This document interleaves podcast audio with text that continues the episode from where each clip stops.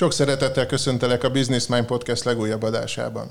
Én Kozák Mihály vagyok, és hogyha tetszik az adás, akkor iratkozz fel a különféle csatornákon, YouTube-on, Spotify-on, iTunes-on, és még a többi helyen is, ahol ezek a műsorok megjelennek.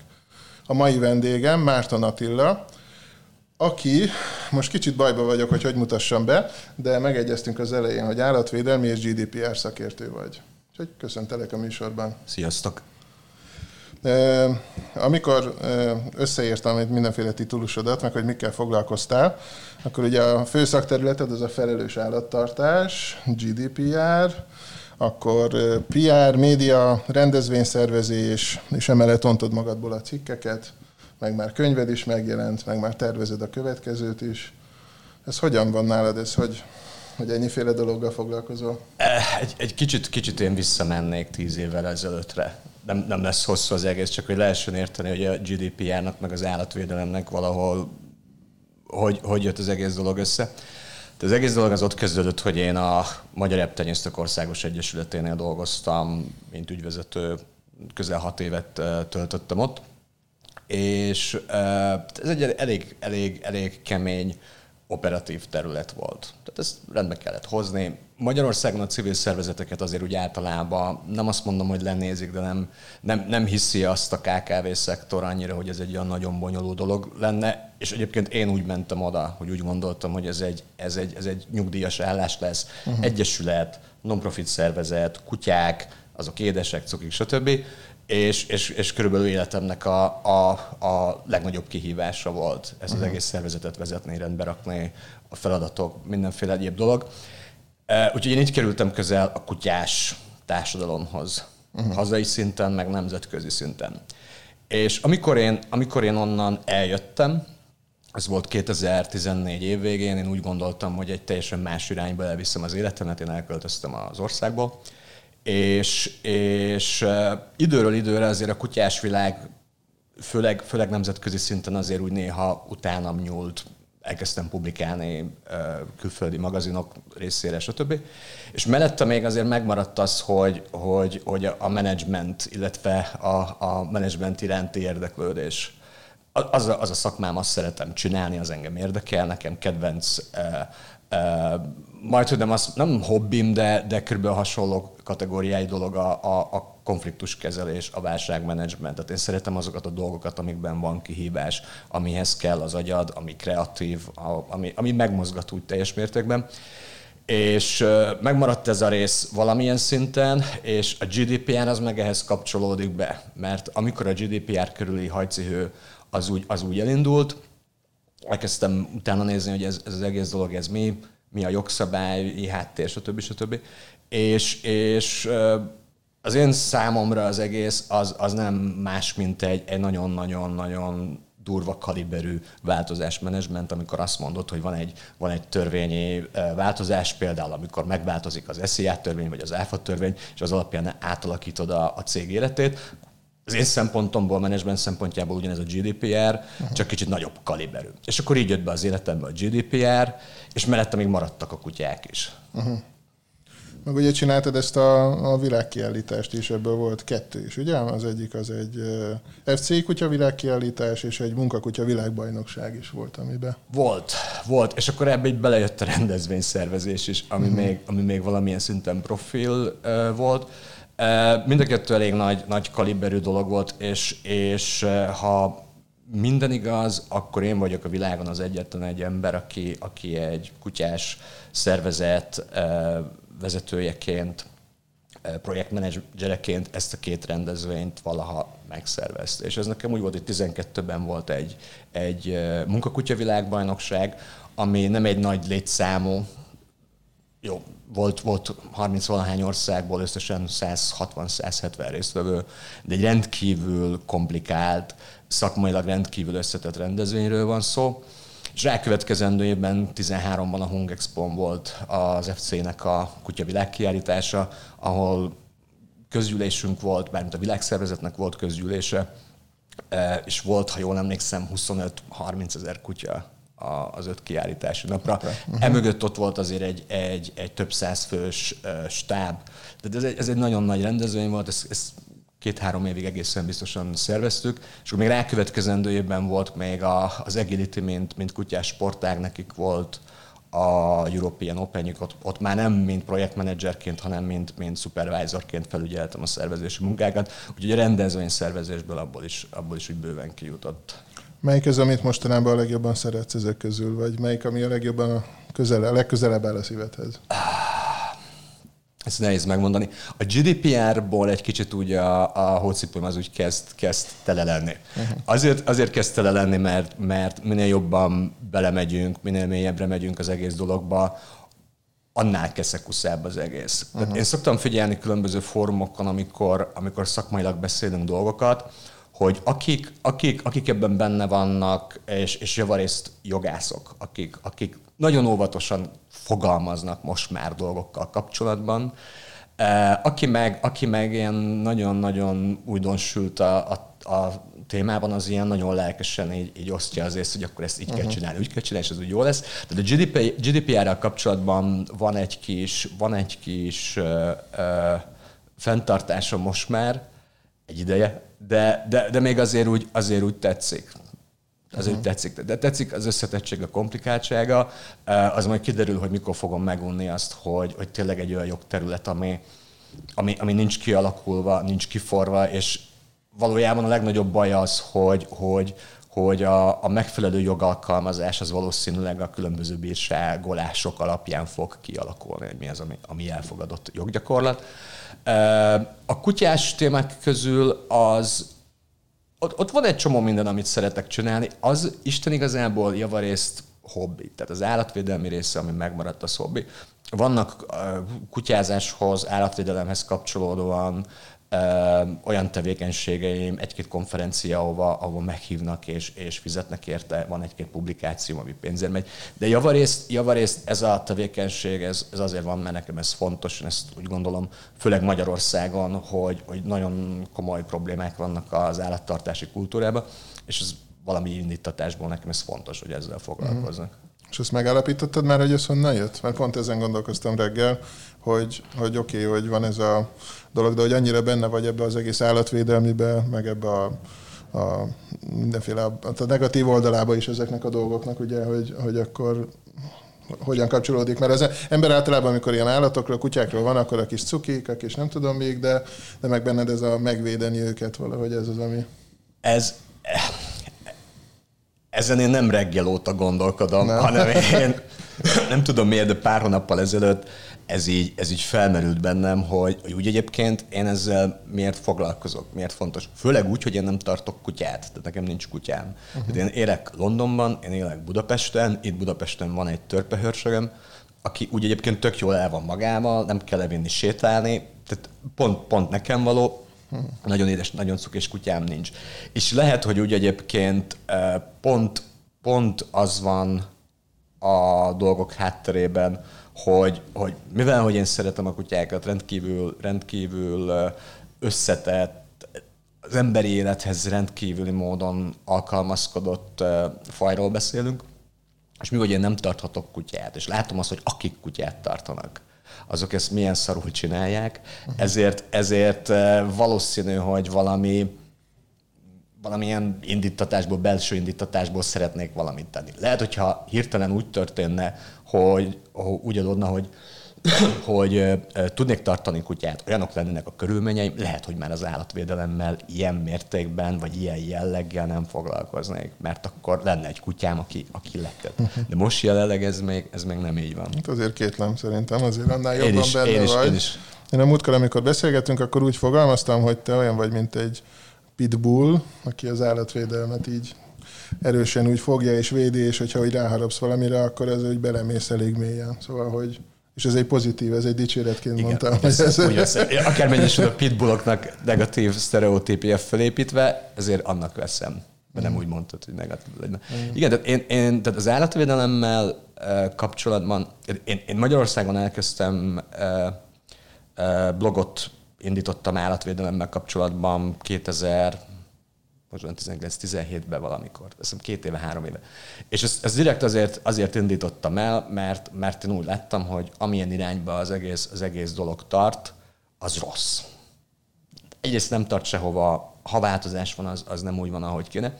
És én akkor, akkor határoztam el, külföldön élve, sokat jártam haza akkor, akkor határoztam el, hogy, hogy akkor oké, okay, én ezzel foglalkozni fogok, és hogyha öt ember fogja ezt elolvasni, és az öt emberből egyben megragad már valami, akkor az egésznek van értelme. Most ehhez képest azért egy elég, elég mondjuk úgy, hogy jól menő felkapott blog lett szakmai körökben, és én az első... az indexen is azért, hogyha publikálsz valamit, akkor az általában elég gyakran címlapra kerül. Igen. Körülbelül, körülbelül 40-43 publikáció volt az elmúlt pár évben, ebből talán három olyan volt, ami nem ment ki Index címlapra. Meg hogy ezek elég mély tartalmúak, szóval nem csak ilyen cuki faktorságot, meg ilyen érintőlegesen Igen. beszélsz valamiről, hanem hogyha ráállsz, akkor te hogy aztán belemész mélyebben is. Én, mert úgy van értelme. Tehát, hogyha nem érted, tehát, hogyha meg akarsz oldani egy problémát, és magának a problémának a, a mozgatórugóit nem érted, akkor félre fogod érteni az egészet, és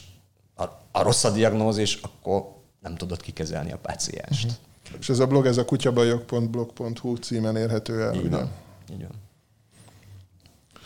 Jó, szóval, hogy akkor most csak én, ugye nekem sincsen állatom, én is egy olyan helyzetben vagyok, hogy nem tudok tartani, egy kutya az biztos jól jönne, jól esne, meg jó kis társ lenne, sokan így gondolkoznak erről, de én vidéken éltem, ott nőttem föl, talán egy kutyánk volt, egy Mazsi nevű kis tacskó, keverék nyilván, és akkor kint volt a hátul, aztán amikor etettük, ott el volt magába, szóval hogy nem ez, a, ez az állattartás, vagy ez a felelős állattartás, az akkor úgy nagyon leegyszerűsödött, mert nem, nem, volt a, nem volt az egésznek egy ilyen nagy hype-ja, nem volt egy ilyen Ne, hát ott másabb, amikor vidéken egy területen ott el vannak kutya egy ház körül, akkor nyilván az a, a, az a klasszikus módja ennek régebben. Ugye tanyákon ott, akkor ide-oda mentek a kuvaszok, meg ezek az állatok, a házaknál akkor volt ez a másik verzió, de most ez, ez mikortól lett egy ilyen, mikor kezdtük elrontani ezt szerinted, vagy hol, hol romlott, romlott ez el? Nem biztos, hogy elromlott. Tehát azért, azért ez egy nagyon-nagyon hosszú folyamat. Tehát állatvédelmi problémák, azok, azok, azok már voltak régebben is. Tehát azért most pontos dátumot nem fogok mondani, de ez az 1800-as években is az állatkísérletekhez kapcsolódóan már voltak különböző mozgalmak, főleg az arisztokrata feleségek kezdtek el, meg egy-két, egy-két, egy-két orvos is azért ütötte az asztalt eléggé keményen, mert abban az időszakban, tehát volt egy, volt egy időszak, amikor, amikor az állatkísérleteknek a száma az így megemelkedett, fellendült. És tehát ezeket, ezeket bármiféle érzéstelenítés vagy altatás nélkül csinálták az állatokon. Tehát akkor még ez, ez még nem volt tehát az állatokat nem úgy tekintették, hogy, ez, hogy ők képesek lennének fájdalmat érezni, hogy szenvedének, stb. És tehát ennek volt azért egy, egy folyamata, de az, az igazi áttörés az, az 1970-es években volt, akkor jelent meg pár olyan alapmű, ami elkezdte boncolgatni azt, hogy az állatoknak vannak-e jogai. Ez, ezt megelőzően ugye az már, már bizonyított tény volt tudományosan arra, hogy az állatok képesek félelemre, képesek fájdalmat érezni. Ugyanolyan hormonreakciók történnek, mint az ember esetében, hogyha stressznek teszem ki, és ugyanolyan biológiai folyamatok indulnak be. Megjelentek a művek az állatok jogairól a 70-es években, és akkor onnantól kezdve elindult, elindult valamilyen irányba a modern, liberalizált állatvédelmi felfogás. Az állatoknak jogai vannak, jogaik vannak, amiket ők nem tudnak érvényesíteni saját maguk, ezért az embernek kell valamit tenni. És mellette azért még elindult itt egy csomó más folyamat. Tehát ez, amit te mondtál, ez, ez Magyarországon még a falvakban még, még mindig ez van állattartási kultúra szempontjából az egy más téma, hogy ez most a kutyának jó-e vagy sem. Ez, ez annyi minden dologtól függ uh-huh. az én véleményem szerint, hogy ebben most belemenni teljesen felesleges. Ami más, másik ö, ö, komoly folyamat volt, ami, ami ezt az egész jelenséget, amit te mondasz, befolyásolja, az az, hogy, hogy, hogy az emberiség elkezdett elmagányosodni. Tehát erről, erről szerintem itthon nagyon keveset beszélünk, Nyugat-Európában és az USA-ban azért, azért egyre többször lehet azt hallani, hogy a, a, a depresszió, a mindenféle elmagányosodáshoz társított betegségeknek a, a száma az úgy, az úgy megnövekszik. Tehát én ezt tudom London esetében, amikor az ember ott van egy ilyen 10-14 milliós városban, hogy ott egyedül érezni magadat, az nagyon rossz. És ugyanez van akár Budapesten. Tehát az emberek elvesztették nagyon sok esetben a társas kapcsolataikat, és most így, így nem, nem a házastársi kapcsolatról beszélek, hanem arról, hogy legyenek valós barátok, akikkel meg tudják beszélni a problémáikat, oké, okay, föltolsz valamit a Facebookra, és akkor kapsz rá 86 ezer lájkot, meg reagálást, és akkor valahogy úgy boldogabbnak érzed magad arra a fél órára, de utána az életedet nem oldod meg. De nagyon sok a magányos ember, főleg a nagyvárosokban. Uh-huh. És a kutya az, az, az van annyira uh, jó fej, hogy, hogy iszonyú mértékben képes az embernek a testbeszédét, a hangulatát, mindent elemezni, fölfogni, és arra reagál. Tehát a kutya az teljesen jó arra, hogy emberi kapcsolatokat pótoljon, mert olyan mélységű és olyan komplex interakcióra képes. És ezért, ezért jött az, hogy, hogy a kutya az most már, most már családtag, emberpótlékként tartjuk, és mellette ez is egy nagy leáltalánosítás, de mellette vannak, akik jól tartják. Tehát az, hogy egy, egy kutyát én bent tartok a, a, a lakásban, a házban magammal, és, és családtagként tekintek rá, és egy teljesen más jellegű státusza van, mint korábban volt, hogy kint a hátsó udvarban el van egész életében, ettől még az lehet jó. Tehát ez egy összetett kérdéskör. Uh-huh, uh-huh. Mi az, ami mondjuk most manapság, mondjuk a kettő dolgot kéne mondjál, ami a legnagyobb hiba, vagy amit a legtöbben elkövetnek így a, mondjuk a kutyák, kutyákkal való kapcsolatban? Hát eleve az, hogy tartanak. Ez az egyik. És ha már tartanak, akkor ezt nem jól tartják. És ebben egy minden benne van. Kicsit részletesebben? Hát, hogyha ezt, hogy tartanak. Tehát ez, e, ebben nagyon sok mindent lehetne mondani, hogy, hogy eleve azt valaki fölfogja azt, hogy én egyáltalán képes vagyok-e arra, hogy én, hogy én normálisan tartsak egy állatot. Tehát ez, én, én, én, én korábban már leírtam azt nem egyszer, nem kétszer, hogy az állatvédelmi problémák akkor kezdődnek, amikor valaki azt eldönti, hogy ő akar állatot tartani. Uh-huh de miért akarok? Tehát, hogyha én csak azért akarok tartani akármilyen fajtát, mert én láttam a tévében, mert Paris Hiltonnak az van, mert, mert, mert láttam a 101 kis kutyát, és akkor azok a kutyák azok milyen cukik és milyen trónok ügyesek. Harca, ugye? Láttam a trónok harcát, és akkor abba, hogyha én veszek egy olyat, akkor úgy egyébként a kis silány életemben én majd nagyon menő arcnak fogom magam érezni. Akkor, tehát hogyha ez a motiváció, tehát ennyit fogok fel az egészből, akkor az úgy nem jó. Vagy, hogy, uh-huh. vagy hogyha a gyerek nyüstöl, hogy vegyünk már egy, mit tudom én, egy, egy malamutot a panel tizedikre, mert hogy ő majd le fogja vinni sétálni, valószínű kétszer vagy háromszor le fogja vinni. Ha ez a motiváció, az nem jó. Tehát azért ezt föl kell fogni. Azért egy kutyát nem arra nem, nem, nem pár hétre, pár hónapra vesz magához az ember, hanem adott esetben, jó esetben azért több mint tíz évről van szó. Mi egy jó motiváció? Az, hogyha, nem, hogyha ha, ha nem is a motivációval van a baj, hanem, hanem, hanem Isten igazából azzal, hogyha ha, ha valaki ezt nem gondolja végig, hogy ez mivel jár.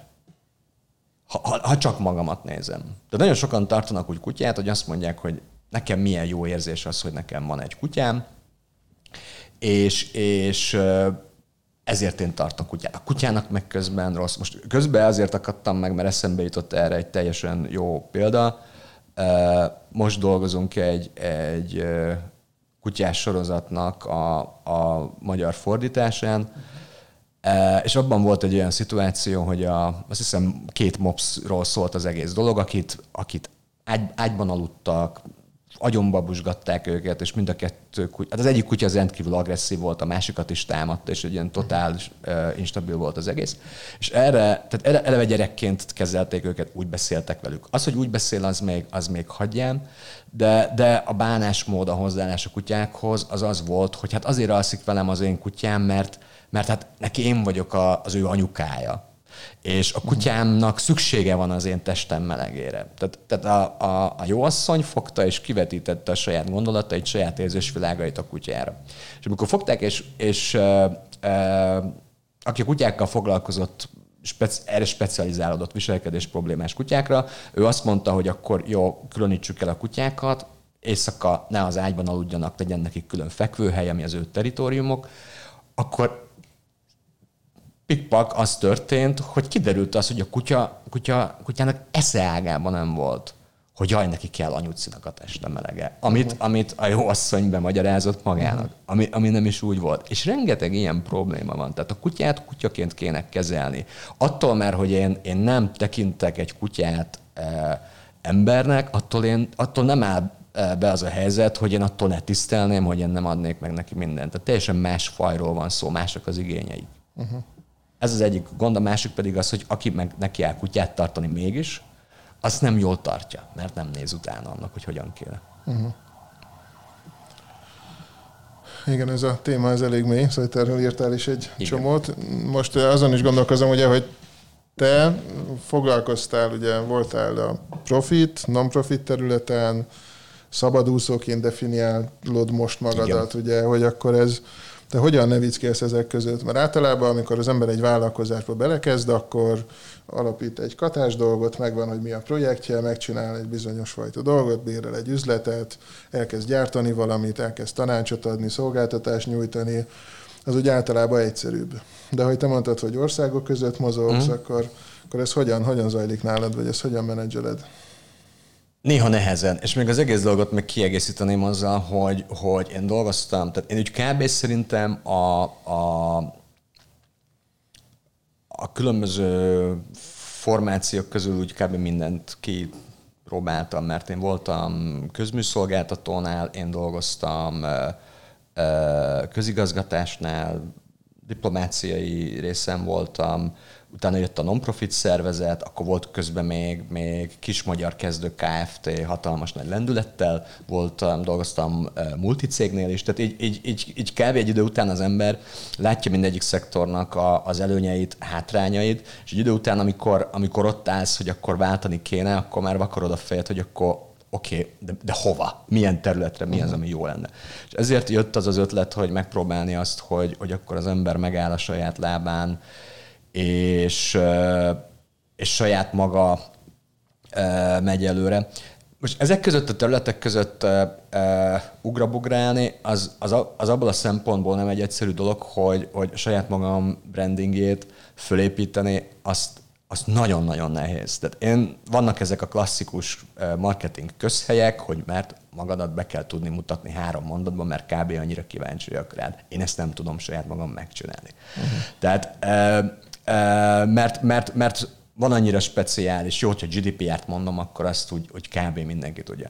De, de a többi dolog, amivel, amivel foglalkozom, mert azért ebbe, ehhez még hozzátartozik az, hogy, hogy voltak kisebb-nagyobb munkáim, ami, ami operatív menedzsmentről szólt, folyamatfejlesztésről, speciálisan egy adott területre, tehát nehéz, nehéz erre mit mondani. Nekem, nekem az a szerencsés az egész, az egész dologban, és most ez, ez leginkább az állatvédelmi, meg a kutyás, kutyás részekre vonatkozóan, hogy, hogy ebben a közegben én valamilyen szinten ismert vagyok, és, és azért, azért hozzám jönnek be a felkérések. És ugyanez, a, ugyanez volt a helyzet a GDPR-rel kapcsolatban. Én, én, én végeztem egy-két uh, átvilágítást, tanácsadást, felkészítést, stb. különböző mélységekben, de ezek mind olyan cégek voltak, amik, amik, amik ismerettségi körön belül voltak. Uh-huh. Úgyhogy, és, és azért ez már életkorral, meg, meg úgy, úgy ráncokkal, meg a, a, a, a kihulló hajjal együtt jár, hogy az ember azért egy idő után elkényelmesedik. És nem akarsz nagyon sokat nyűglődni olyan emberekkel, akikre azt mondod, hogy oké, okay, oké, okay, végzünk a munkával, akkor ki fogja fizetni a, a számlát, de, de van benne egy csomó vesződtség, és, és valószínű, hogyha hosszú távon nézed az egész dolgot, akkor jobban járnál, hogyha ha inkább hagynád az egészet a francba, és elmennél ki mondjuk a Margit szigetre sétálni, mert többet uh-huh. érnél vele hosszú távon. Uh-huh. Tehát nehéz, nehéz a, a dolgok között ugrálni, nehéz, nehéz uh, az, hogy országok között, mondjuk nem, az mondjuk annyira nem nehéz. Tehát nekem nincsen azzal gondom, hogy egyik, egyik nap ebbe az országba vagyok, a másik nap egy másik országba tudok én kapcsolni a különböző projektek között is agyban, nem mindig egyszerű, de azért megy. Ami probléma viszont, hogy, hogy, hogy a megfelelő pihenőidőt saját magamnak beütemezni, és azt betartani. Uh-huh. Tehát mivel, hogy én, én, én olyan dolgokkal foglalkozom, amikkel azért foglalkozom, mert úgy egyébként érdekelnek, és, és, és van bennem szenvedély a dolgok iránt, ezért nagyon nehéz azt mondani, hogy akkor jó, akkor én egy hétre mondjuk leállok, és, és ezekkel nem foglalkozom. ez a nehezebb része inkább. Igen, mert ahogy mondtad, hogy igazából bármelyikbe, amiben te belementél, akkor az szenvedéllyel és ilyen teljes mélységgel, szóval teljes erőbedobással mentél, és akkor ezt csináltad, vagy csinálod is. És, és edesről, hogy még nem is az, hogy lecserélted őket, mert ugye hiába ott van az állattartás, de akkor még a GDPR az megjelent, akkor az állattartás még utána kezdtél el kb. foglalkozni még erősebben a blogolással és minden, szóval, hogy Ja, a, kutyá, a kutyás, igen. E, tehát e, a GDPR-t ezt valahogy, valahogy úgy nem akartam elengedni. Uh-huh. Mivel, hogy azért, azért, azért tehát, tehát szabadúszóként én úgy gondolom, hogy akkor tudsz normálisan megélni, és nem azon aggódni napi szinten, hogy, hogy mi lesz a következő időszakban, hogyha azért képes vagy több lábon megállni. Tehát nekem azért a menedzsment rész azért az, az ott maradt, és, és én azt mondom mind a mai napig, hogy, hogy operatív menedzsmentet normálisan úgy végezni, hogy valaki nem ért a GDPR-hoz, az kb. az lenne, mint hogyha egy cégvezetőnek fogalma nincs arról, hogy mi az az áfa törvénykönyv, vagy mi az a számviteli törvénykönyv, és azt hiszi, hogy majd a könyvelője mindent megcsinál. Uh-huh. És én ezért mentem bele a GDPR-ba. És akkor az úgy megtetszett. Uh-huh. És a, a kutyás dolog az meg egy abban a szempontból egy, egy speciális dolog, hogy én, én, én Isten bizony, én, én azt terveztem, hogy 2015-ben én amikor elköltöztem Londonba, én hogy akkor, akkor hátat fordítok az egész közegnek. Köszönöm szépen, nagyon jó volt, rendkívül komoly szakmai tapasztalat volt, rendezvényszervezés terén, operatív menedzsment szempontjából, minden szempontból, viszont elég volt. Kemény volt, nagyon húzós volt, és, és hogy mindig így, így, így jöttek ilyen kis visszahúzások, hogy akkor megkeresett ezt, hogy akkor figyelj, akkor lenne egy konferencia, lenne kedved előadni. Tehát most ezt a kutyás állatvédelmi dolgot, ezt nem úgy kell elképzelni az elmúlt négy-öt évben, hogy, hogy, hogy ez egy folyamatos leterheltségű dolog volt, hanem volt, hogy akkor három-négy hónapig az adott témában nem történt semmi. Jó, de, könyv, most de, ez de, már... de könyvet is megjelentettél. Könyvet is meg... Jó, de az csak szóval, úgy jött. Hogy csak úgy, az csak úgy jött. emberek a könyveket csak úgy szokott jönni nekik át. Nem, az úgy, az úgy hamar megvolt. Tehát azzal, azzal, úgy, azzal úgy nincsen gond. Tehát szerintem az angol, mert ez angolul jelent meg legelőször, volt, volt egy cikk sorozatom, ami, ami az állatvédelem, állatvédelmen belüli félreértésekkel foglalkozik. Uh-huh. Ez, ez az USA-ban futott, azt hiszem ez öt, öt cikkből állt, és az öt cikkhez még készült még kettő plusz fejezet, illetve annyi módosítások, hogy az egész sztorit így összefűzze, és ez ki lett adva angolul. De az angol verziót azt valószínű, hogy egyszerűbb volt szerintem megírni, mint hogy ezt saját magamnak lefordítani magyarra. Tehát én uh-huh, utálok uh-huh. fordítani, és én ezzel vért izzadtam. És én azóta a könyvet ki sem nyitottam, és ez volt 2016-ban. Uh-huh. Úgyhogy Úgyhogy, nem, de, de ezek így mentek. Tehát volt, amikor a kutyás dolgokkal én mondjuk, mondjuk tényleg három-négy hónapon keresztül annyit foglalkoztam, hogy megírtam egy cikket. Uh-huh. Most ez most már, már úgy felpörgött. Tehát külföldre egyre többet megyek konferenciára. Külföldi publikációim most szerintem nagyon nincsenek Magyarországon. A blog miatt keresnek innen-onnan publikáljak Uh, illetve most a blogomat most újraindítottam majdnem egy évig az is rá. Tehát ez is jelzi azt, hogy ez, uh-huh. ez nem egy ilyen full-time dolog, tehát ez ugyanaz, mint amikor, mit tudom én, valaki kikapcsolódásként hetente kétszer eljár a hímzőklubba, vagy mit tudom én, valami ilyen helyre. Én a helyet, hogy elmentem volna ilyet csinálni, én fogtam és le, leültem, és akkor írogattam cikkeket. Uh-huh, uh-huh. És akkor a következő az hímzésről fog szólni? A következő igen, témám? a következő témám az hímzésről Horgolás, szólni. kötés, horgolás és hímzés. Igen, igen tehát, a, tehát a, a könyvírás az, az, az jelenleg nekem egy, egy, egy érz, érzékeny pont. Nem ütök még, mert ez az én, én hibám, az én hülyeségem, tehát vannak betervezve még könyvek. Tudom azt, hogy múltkor a lévai Ricsi azt említett, hogy úgy kell 30 nap alatt megírni könyvet, hogy a nyomdának leadod a rendelést, és akkor majd van 30 napot. Nálam ez nem működik. Tehát nekem körülbelül két vagy három könyv van, ami, ami, ami fejben megvan, sőt már van, amelyik, amelyik, amelyiknek a komplex struktúrája föl van építve. Hát ez körülbelül négy éve Ez melyik írom. területeken? Ez, ezeket nem lövöm le a poénokat, mert De headset... hogy a, a, az állatvédelem, vagy a GDPR, vagy ezek? A GDPR-rel kapcsolatban is vannak, vannak uh, uh, elképzelések. Jó, hogy mondod. De, nem, emlékeim szerint beszéltünk már arról, hogy arról is szeretnél valamit. Igen, igen, igen. GDPR-rel kapcsolatban is vannak elképzelések, de mivel az egy, tehát annak az alkalmazása az egy, az egy, az egy folyamatosan változó terület. Uh-huh. Folyamatosan adják ki a különböző állásfoglalásokat, folyamatosan jönnek a különböző bírságok, különböző határozatok. Tehát az, egy, az kb. egy olyan dolog lenne, mint hogyha valaki kezdőknek akarna egy Facebook könyvet kiadni, és, és abba hinne, hogy, hogy a kézirat leadása akkor még ugyanúgy fog kinézni a Facebook, és mindenhol ugyanott lesz.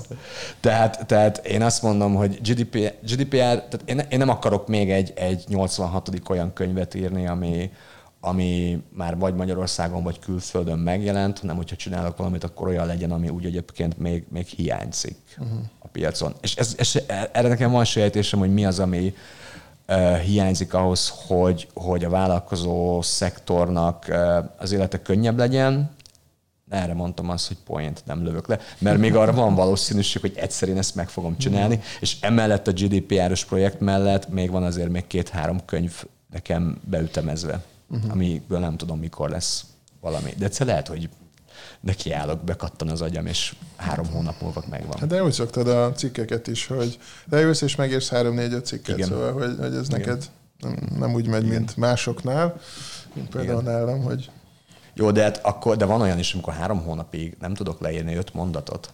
Tehát... Na, nekem ez szokott lenni, csak ez, ez hosszabb távon is így van.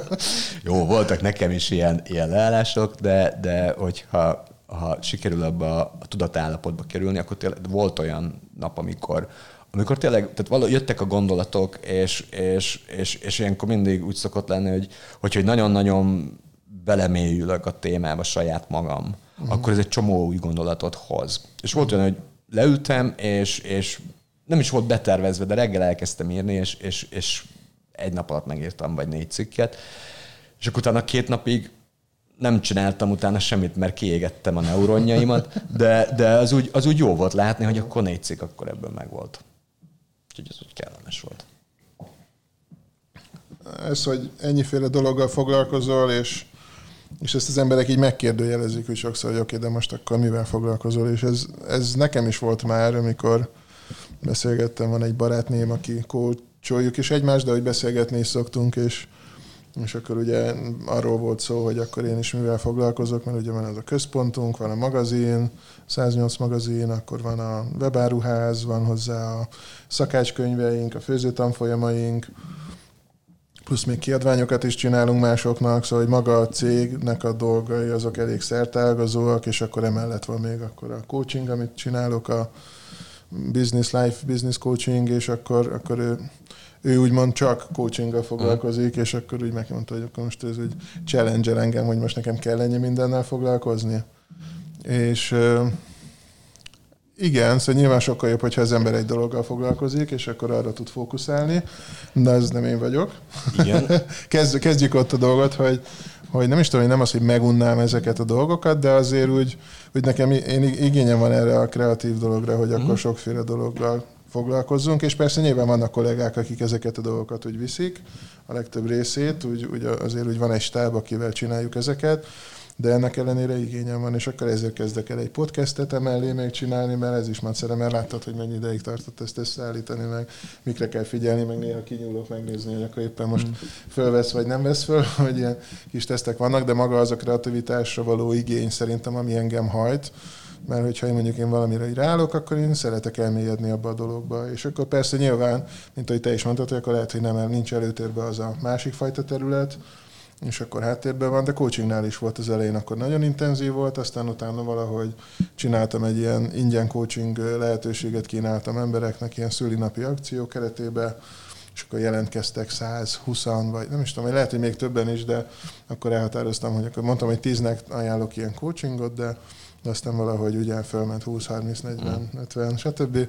Elkezdtem egy ilyen egy órás coachingokat, és akkor olyan szinten kiégtem akkor abba, hogy olyan intenzívre raktam, hát ez az én szervezési problémám volt, hogy akkor utána egy évig akkor úgy le, lelassult az egész, és nem foglalkoztam vele annyit, mert, mert jó volt maga az élmény, csak hogy ez a töménysége az úgy sok volt. Szóval, hogy igen, szóval, hogy amikor az embernek így megkérdőjelezik ezt a fajta dolgát, hogy miért foglalkozik ennyi mindennel, én együtt tudok érezni Nem, igen, és, és, és miközben uh, hallgattalak, így eszembe jutott, jó, azt tudom, hogy, hogy mi annak a pszichológiai háttere, hogy az embereknek saját magukat föl kell címkézniük, hogy a másoknak az észlelésébe ez ne okozzon gondot. Tehát, hogy a legelején megmond az, hogy én vagyok a, mit tudom én, a nincs a szamuráj, és akkor te vagy ez, mert most, most Magyarországon, ez nem tudom, most már kikopott-e, vagy ez még, még ez ezek a, a, nem nincs a szamuráj, hanem mi az, szamuráj marketinges, vagy valami ninja marketinges, ninja, meg nem, ilyen, nem vannak, vannak ilyen, ilyen uh, fogalmak, uh, tehát, tehát, tehát vannak ilyen, ilyen különböző címkék, amiket az emberek magukra aggatnak, de egy bizonyos területen uh, jó akarsz lenni, akkor, akkor, akkor egy csomó mindenhez kell értened. Tehát, hogyha ha, oké, hogy vannak emberek, akik, akik specializálódnak egy adott szakterületre, de, de most az én esetemben, tehát nekem, ahogy említettem, a kedvencem az az operatív management, azon belül ugye ott van a változás management, ugye értek a projektmenedzsmenthez. Tehát most, hogyha nem muszáj, akkor én miért szakosodjak, és miért csak egyel foglalkozok. Ez marketing szempontjából rohadt nehéz, tehát azt, azt mondani, hogy magadat eladni, ez, ez, ez sok idő kell, mire az ember, úgy gondolom, sok idő kell, míg egy, míg egy szektoron belül te fölépíted azt a hiteles képet magadról, hogy, hogy a neved alapján tudják azt, hogy te úgy egyébként mikhez értesz, és akkor működik a dolog. Tehát az ilyen, ilyen legyél milliómos 30 nap alatt dologhoz ez nem jó, hogyha ha, ha, ha túl sok mindenhez értesz, vagy sok mindent meg akarsz mutatni, mert, mert ahhoz idő kell. Még megismernek, mire megtudják azt, hogy milyen kvalitásaid vannak, milyenek a skillsetjeid, mit tudsz produkálni. És a másik dolog az, hogy, hogy a lelkesedés, meg a, a, a kreatív munka, arról meg eszembe jutott, hogy nekem úgy egyébként az újságírás az, az honnan jött, hogy én miért kezdtem el publikálni. Ez még, még ügyvezető koromban a Kutyás Egyesületnél volt, az egy, az egy, az egy tényleg egy ilyen elég, elég gyilkos, ütemű munkakör volt, és javarészt probléma megoldásra és konfliktus kezelésre korlátozódott minden. És ugye van, meg volt, volt, illetve még jelenleg van is egy újságja az Egyesületnek, ahova valahol én valamilyen külföldi rendezvényen voltam, képviseltük magunkat, és előjött valami téma. És akkor mondtam én a, a főszerkesztőnek, hogy figyelj, ez egy, ez egy, ez egy rohadt aktuális téma lenne Magyarországon ezzel foglalkozni. És akkor, hogy írjam meg. És, és akkor én ezt megírtam, és akkor ők ezt leközölték, és ez nekem jól esett. Egyrészt, egyrészt megkaptam nem egyszer, nem kétszer, hogy én ilyen okoskodó ember vagyok, hogy én, én szerettem az emberekben kiegyenesíteni a félreértéseket, a butaságokat, meg az akár rohadt nagy ostobaságokat is, tehát hogy szeretek okoskodni. Szerintem ez fontos dolog, nem mindenki szereti, de nekem vele nincsen bajom. Aha. És a másik meg tök jó, tök jó dolog volt az, hogy, hogy, hogy abban a közegben, abban a, a viszonylag monoton, mert azért a probléma megoldás, és akárhogy is veszed, hogy, hogy egy csomó különböző probléma van, de az is monoton egy idő után, hogy csak mm. azzal foglalkozol, hogy akkor ebbe volt egy olyan, hogy megnyitottam egy, egy üres Word és a Word és akkor elkezdtem írogatni és akkor abból lett valami. Uh-huh. És akkor ezt leírtam. És akkor ez így megmaradt, aztán persze rá is csesztem, mert amikor ilyen nagyon unalmas témákról, mint hogy közgyűlés kellett írni, akkor nekem adták ki, hogy akkor ja, délután négykor labzárta, most van 11 óra, és akkor írjál már légy szíves egy, egy közgyűlési beszámolót. Az ilyen kötelező írásokat én nem szerettem, nem is uh-huh. tudom csinálni, de, de ez a jó, hogy, hogy, hogy saját blogom van, mert arról írok, amiről én akarok. Tehát senki akkor, amikor akarsz. Akkor, amikor akarok. Így van. Nincsen semmilyen Ja igen, ez, ez ami, arra gondolom, amikor ez imént felvetetted ezt, hogy, hogy, hogy a marketing szempontjából fontos, hogy mások tudjanak skatujázni bennünket.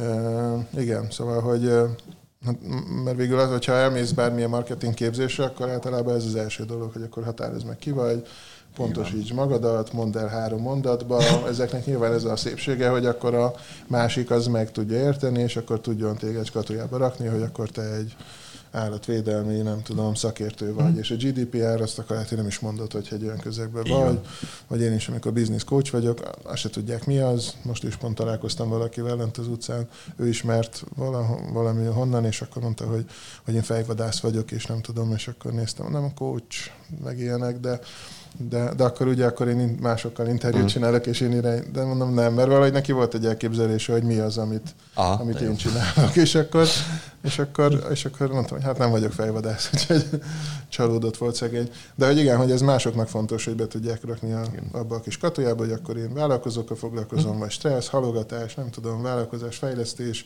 ilyen témába. Még ez is túlták sokaknak, szóval mm. hogy még ezen belül is még konkrétabbak kell, hogy tegyük a dolgokat, de de például a Himaginál ez tök jó, hogy érted, hogy ő vega, gasztroblogger, szakács, könyvei vannak, tanfolyamokat tart, ebből a szempontból az embereknek egyszerű, tudnak kötődni hozzá, mint téma szerint is, de aztán emberileg is látják az írásait, tök jó ír, szeretik az emberek, és akkor, akkor ez ugye ebből a szempontból egyszerű. Hát nem annyira komplikált, mint mi. Nem, nem komplikálja túl a dolgokat. Nem, de neki, neki olyan tevékenységei vannak, tehát azért egy olyan tevékenységi kör ez, ahol, ahol egy ilyen ágazó dolgot meg lehet csinálni. És még azt sem tartom kizártnak, hogyha egy ehhez közvetve illeszkedő dolgot még beletenne, akkor, akkor egy azt is az nyitna, akkor még az is, ugye? Az biztos, az, az biztos. biztos. És, akkor menjünk. Nem. De nekem úgy egyébként, tehát ez a kategorizálás, meg ezek a címkézések, ez egy ilyen, ez egy ilyen nagyon egyszerű, logikus dolog, mert, mert azért az észlelés az így működik. Tehát az emberi agy azért úgy van zsinórozva, és, és a kognitív funkciók azért úgy működnek,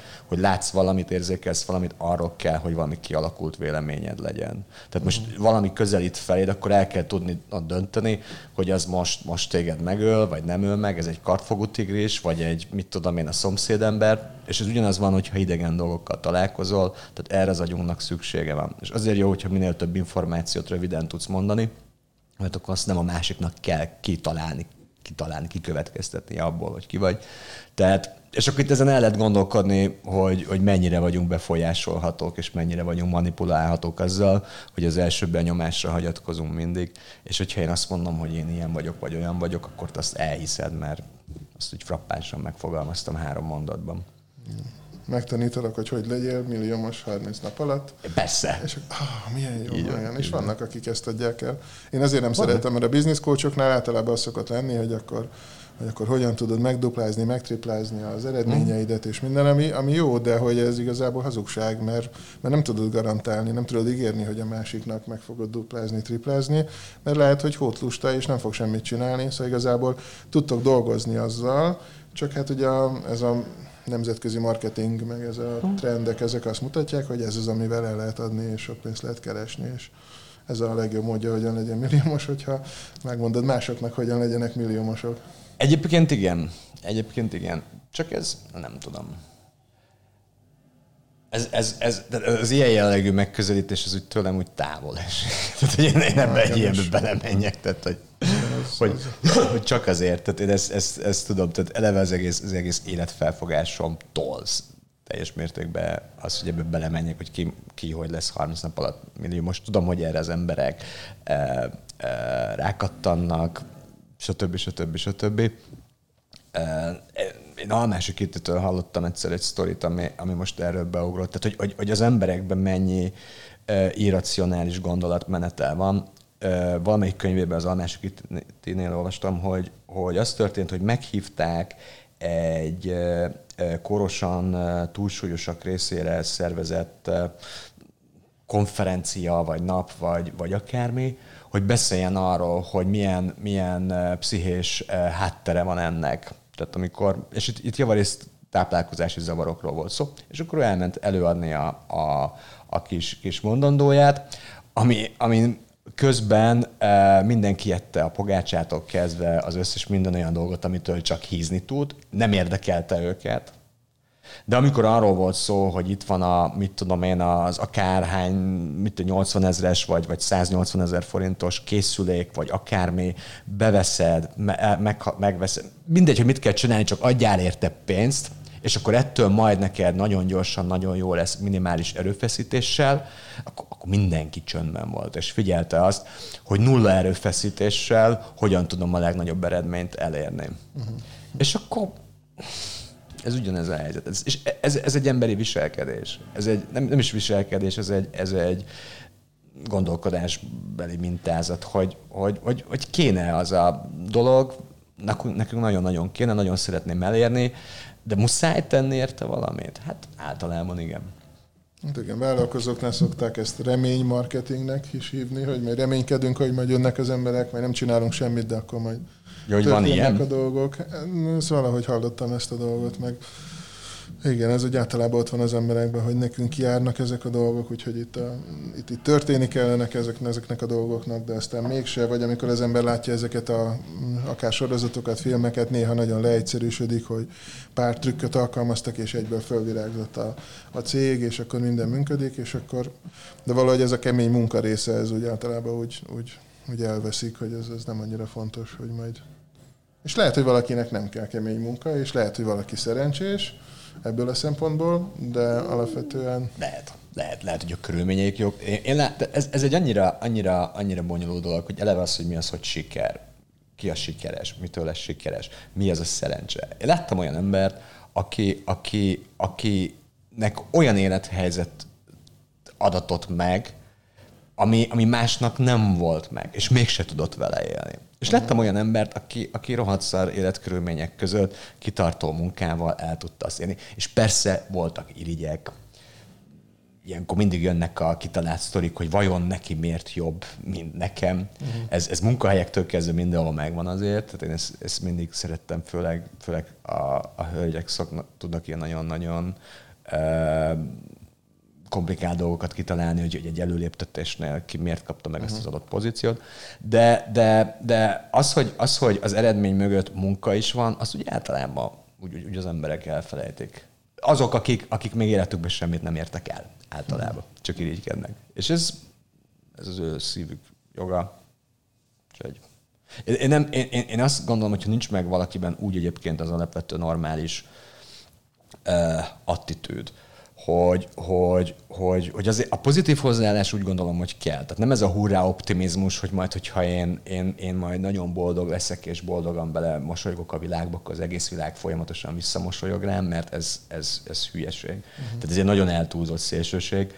Tehát, tehát kell egy pozitív attitűd hogy, hogy úgy álljak hozzá a dolgokhoz, hogy lássam meg a dolgoknak a szépségét, és kell kitartás. Tehát ezek, ezek, ezek kellenek és így működik hosszú távon, mert aztán, hogyha valakiben úgy egyébként ez nincs meg, és meg, meg hirtelen történik vele valami szerencsés dolog, a, mit tudom, nyer alotton, örököl, vagy akármi, hogyha ugyanazokat a hülye beidegződéseket viszi tovább, amik korábban is megvoltak, ami miatt soha nem ért el semmit, akkor most akár mekkora pénzösszeg landol a számláján, úgyis elkölti. Erről, erről, ezzel pszichológusok foglalkoznak, meg a média, tehát hogy amikor a, a lottó főnyereményt elvívő ember, mit tudom én, másfél év múlva hajléktalan lesz, vagy ugyanoda visszazuhan.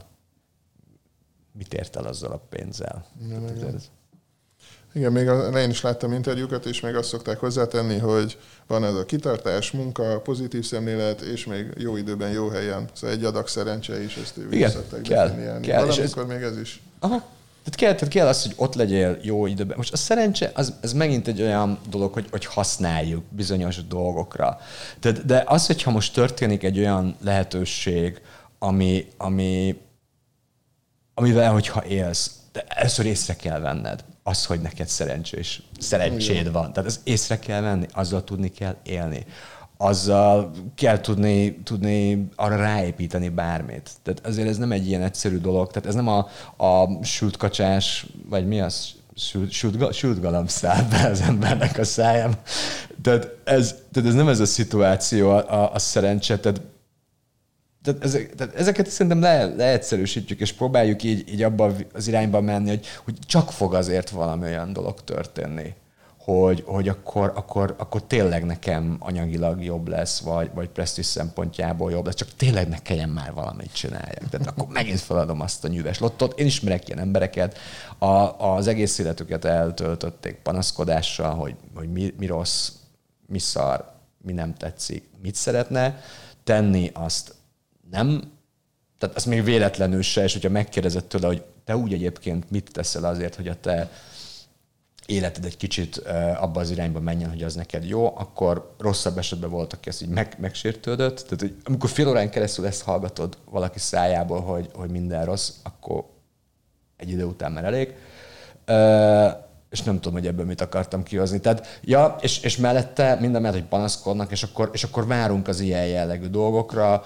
hogy akkor, mit tudom én, volt már, hogy hát majd csak találok magamnak egy pénzes pasit, csak nyerek majd a lotton, már megint nem nyertem a lotton. Tehát azért én értem azt, hogy az ember két lábra áll, akkor abban van egy kockázat, és akkor az ember elkezd félni, hogy akkor jaj, nehogy kudarcot valljak, valljak fog ez nekem sikerülni, stb. stb.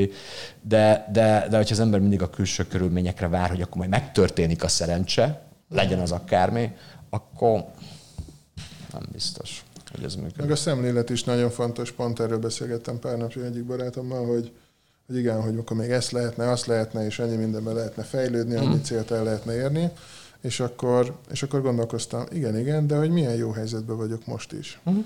És hogy persze ezt mindig ilyen pozitív pszichológiával társítják, hogy ez milyen hülyeség, meg hogy, hogy akkor ez ilyen túl, túl jónak gondolja az ember a világot, de alapvetően valahogy föl kell fedezni azt is, hogy amilyen helyzetben most vagyunk, annak mi a szépsége, mi az mhm. előnye, hálásnak lenni azért, mert ugye azt lehet manapság látni, hogy az emberek, amiük van, azzal szemben hálátlanok, mert minden rossz, semmi sem elég, és nekik minden járna, és ahhoz képest persze rossz az a helyzet, amiben most vannak.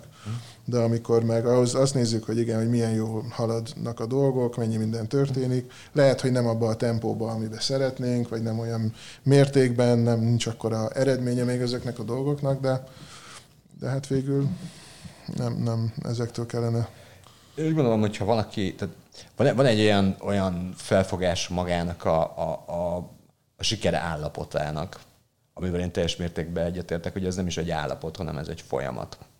Tehát most, hogyha ha, ha én most így végig tekintek a saját magam életútján, tehát ahonnan én, én kezdtem, amilyen úton végigmegyek, azért, azért abban nagyon sok minden volt. És volt benne kudarc, voltak nagyon nagy, nagy csúcspontok, volt itt minden, és mind a mellett megvannak a saját magam jelenlegi problémái, aggodalmai, örömei és többi. Tehát úgy, úgy van, van minden. Én úgy gondolom, hogy ha valaki folyamatosan azt mondja, hogy még tovább, még tovább, még tovább, még tovább, ott azért van egy elég, elég, elég komoly és elég durva bizonyítási kényszer, és egy ilyen ember az, az semmi más nem fogja csinálni, mint hogy soha nem lesz magával elégedett, akármennyit is fejlődik akármit is ér el, soha nem lesz magával elégedett, és akkor a legvégére lesz egy, egy, egy, egy kiégés az egésznek, és nem élvezi azt, amit csinálja. Tehát, hogyha én, én azért vagyok szerencsés helyzetben, és akkor visszatértünk a szerencséhez, de ez így nem az ölembe hullott, hogy, hogy, hogy, hogy, hogy én hála az égnek, és remélem, hogy ez nagyon sokáig így marad, én például meg tudom azt válogatni, hogy mivel foglalkozom, hogy milyen munkákat vállalok el. És ez, ez jó. És még így is van olyan, amikor, amikor azért, azért nagyon durván összeveszek magammal, hogy akkor most már, most már határidő nagyon közeleg, és akkor ennek neki kéne elni, és ezt meg kéne csinálni. Most, hogyha én ezt nem élvezném csinálni, hanem én azért csinálom, mert, mert vagy magamnak, vagy a külvilágnak, vagy a szomszédnak, vagy akárkinek akarok bizonyítani, és mindig csak azt látom magam előtt, hogy még nem vagyok ott, még ez lehetne jobb, még lehetne jobb, még lehetne jobb, annak mi értelme van úgyisten igazából? Semmi. Hát egyszer meghalunk mindannyian. Most azért az, a, az az életút, amit végigélünk, annak a minősége, hogyha azzal telik, hogy folyamatosan kattogunk és görcsölünk, tehát mi? Jó. Mindig fel szoktam tenni egy kérdést, hogy ha egy tanácsot adhatnál a vállalkozóknak, akkor mi lenne az? Mi az aktuális tanács? Nyilván ez nem, nem kell az örökérvényű kinyilatkoztatás, csak mi az, ami most téged úgy mozgat, ami, amit szívesen megosztanál másnak is. Ennyit beszéltünk így sikerről, meg, meg, meg, meg szerencséről. De az, az mint, hát most ez tanács vagy, vagy nem tudom mi. Tehát az, hogy ezt fogja föl mindenki, hogy a kudarc az, de próbálj meg mindenki helyén kezelni azt, hogy meg végig gondolni eleve, hogy mi, mi az, hogy siker, és mitől lesz sikeres, és mindenki vegye figyelembe azt, hogy, hogy kudarc nélkül nincsen siker és nem biztos, hogy az ember sikeres lesz, de hogyha kudarcos időszakokban föladja, mert hogy kudarcot szenvedett, akkor soha az életben nem lesz sikeres. Az garantálva van. Az nincs garantálva, hogy sikeres lesz, de, de ez egy, ez, tehát a, a siker, siker kérdéskörét szerintem az, az, az, hogyha mindenki úgy magába helyre rakná, és racionális módon, akkor, akkor, akkor, akkor az jó lenne. Mi mondom? Ez jó. Akkor egy jó zárszava annak a sikerkérdéskörnek. Mondtam az elején, hogy vannak Igen. ilyen kérdések, amit az előző résztvevők írtak. Te is megírtad már a tiédet. Válasz ki kettőt, és azt kéne megválaszolni. Akkor itt van egy. Itt van kettő. Mondj három olyan dolgot, amiért hálás vagy az életedben. Erről is beszéltem. Huha. Az egyik, az egyik uh, dolog, amiért hálás vagyok, és akkor most át, át, átjön a kudarcból, át, átjön a, a, a gondolat, hogy fejezem ezt ki. Én nagyon hálás vagyok annak, hogy nekem voltak nagyon-nagyon grandiózus, nagyon embert próbáló, és, és majdnem embert leromboló időszakaim az életek. Ami, amikor ott tényleg, majdnem nem azt mondom, hogy élet-halál kérdés volt nagyon sok minden, de, de nagyon kemény volt. És ezek nekem azért vagyok hálás, mert, mert egyrészt megtudtam azt, hogy kik azok az emberek, akik kik azok az emberek, akik úgy egyébként mellettem állnak, és megtudtam azt, hogy, hogy ezért a tűrőképességem az, az úgy, mag, az úgy magas. Tehát az, hogy mire vagyok képes. Tehát kihozott egy csomó minden dolgot belőlem, nem azt jelenti, hogy ezeket szeretném újraélni, tehát ez annyira nem tetszett, de ez nagyon sok mindent megmutatod. Arra vagyok még hálás, hogy azért vagyok még hálás, mert, mert, mert miért vagyok hálás? Én, én hálás vagyok azért, hogy, hogy a mostani életem amilyen. És ez, és, ez, és ez nekem tök jó minden nyűgével, bajával együtt. És uh, miért vagyok még hálás? A harmadik szokott a legnehezebb lenni. Igen, mert az ember az első kettőbe, vagy az egybe már így, így kb. elmondja, elmondja a dolgokat. Uh, én hálás vagyok azért is, hogy, hogy, és ez kapcsolódik azért az elsőhöz, hogy nekem ami van, azért, azért azt úgy meg kellett küzdeni és föl kellett építeni. Mert érzem azt, hogy amit csinálok, az, az abban jó vagyok. Vannak azért néha bizonytalanságok, de, de, de ez nem volt egy ilyen könnyen összetákolt valami, és én ezt tudom értékelni. És ez nekem ez úgy tök jó.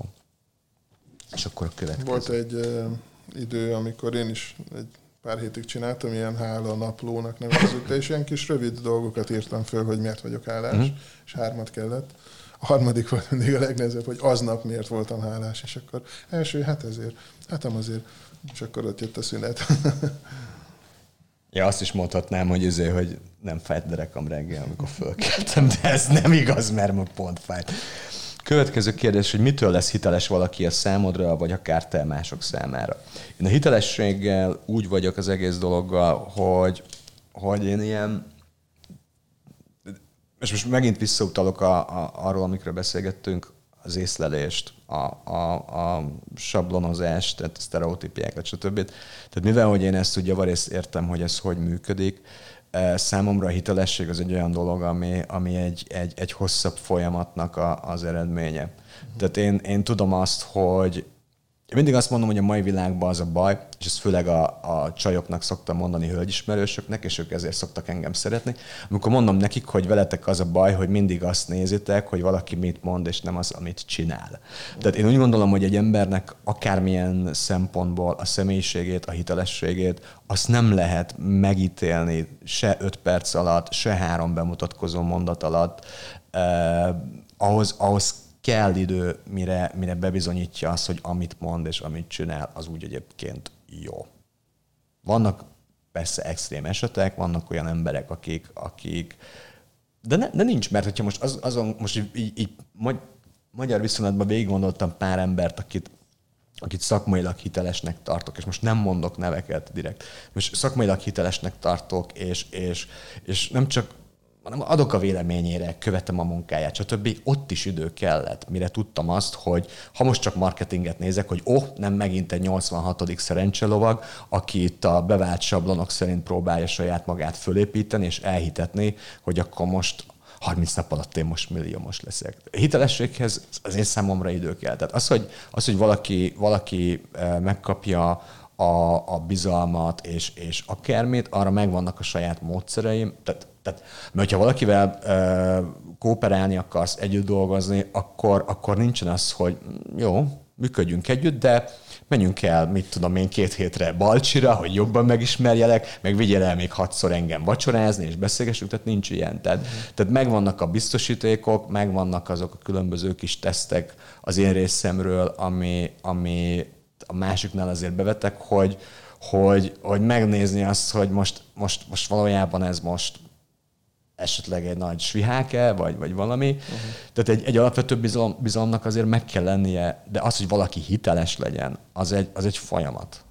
Én ezt nem tudom így hirtelen. És az úgy kialakul. Teljesen egyetértek ez. Na jól van, akkor nem beszélünk én, én, én is így vagyok ezzel, igen, ez jó, hogy jól meg is fogalmaztad, mert tényleg annyira, én első benyomások alapján ítélkezünk manapság, erről szól az egész világ fotók alapján jobbra-balra húzod, hogy valaki tetszik-e, vagy nem tetszik, vagy látod a, nem tudom, egy-két dolgot látsz róla, és akkor, akkor követed-e, vagy megveszed a nem tudom hány tíz százezer mhm. forintos termékét. Szóval, hogy igen, ez egy ilyen hosszabb távú bizalom, és akkor azon azért dolgozni is kell. Ez nem egy technika, hogy akkor nem tudom, száz cikket kell elolvasni tőle, és, hanem... És, és, és, ez mindenkinél más, tehát, tehát, tehát lehet, hogy mondjuk tőlem valaki ez, ez ennyi mindentől függ. Tehát most lehet, hogy valaki mondjuk az én, az én blogomon elolvas egy publikációt, és ez az alapján totál így beleimzul szakmailag, hogy hú, ez milyen jó, és akkor az első alkalommal kap egy olyan nagy löketet, hogy, hogy akkor valami hardcore fan lesz. De, de ugyanez lehet, hogy elolvas, mit tudom én, 5 6 és azt mondja, hogy hát ez úgy szara, hogy van, és ez milyen hülye. Tehát mindenkinek meg nem lehet megfelelni, meg nem is kell ezáltal. Uh-huh.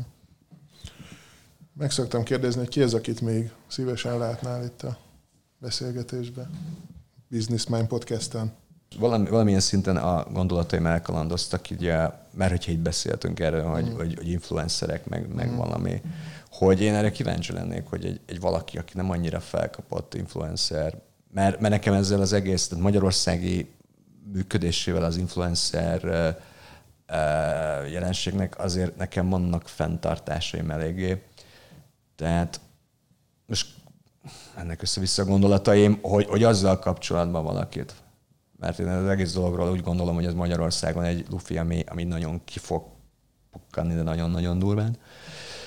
Hogy azzal kapcsolatban, hogyha valaki így elmondaná. Vagy olyan, aki, aki ezzel foglalkozik, vagy az, aki ezzel sikerült mégiscsak uh-huh. berobbanni egy ilyen, egy ilyen piacon, de nevet nem tudok mondani. Jó, hát ez jó, jó maga a téma. Köszönöm. És ez most egy utolsó pár alkalommal kezdtem csinálni, hogy megkérdezem, hogy ugye coach, coachingnál azt mindig úgy szoktam zárni, hogy mit viszel magaddal a beszélgetés után. Igen. És most ezt neked is fölteszem, hogy ebből a kis beszélgetésünkből van-e valami, amit elviszel magaddal? E, én, én tökre örülök annak. Én magamról nagyon ritkán szoktam beszélni. De jó, vagy ismeretségi körbe. Jó, tehát ezek ugye, tehát ugye az éppen aktuális dolgok, meg, meg, meg, meg mi egymás az, az, az, az kivétel, de, de úgy, úgy, én nem is tudom, mikor beszéltem utoljára, így az elmúlt tízen valahány évre visszatekintve saját magamról, és ez így, ez így nekem jól esett így, így rendszerezni, uh-huh. meg így összerakni a mindenféle dolgot így magammal kapcsolatban, tehát kezdve attól, hogy siker, az, hogy minek vagyok hálás uh-huh. az életemben, tehát ez így jól esett nekem, tehát ez egy uh-huh. ilyen kis, kis nem, nem önismeret, egy jó coachingolás volt összességében. Jó, hát köszönöm szépen a beszélgetést. köszönöm a meghívást. Köszönöm, hogy meghallgattátok, megnéztétek. Ha tetszett, akkor lájkoljatok, kövessetek, hallgassátok. Úgyhogy köszönjük szépen. Minden jót. Sziasztok!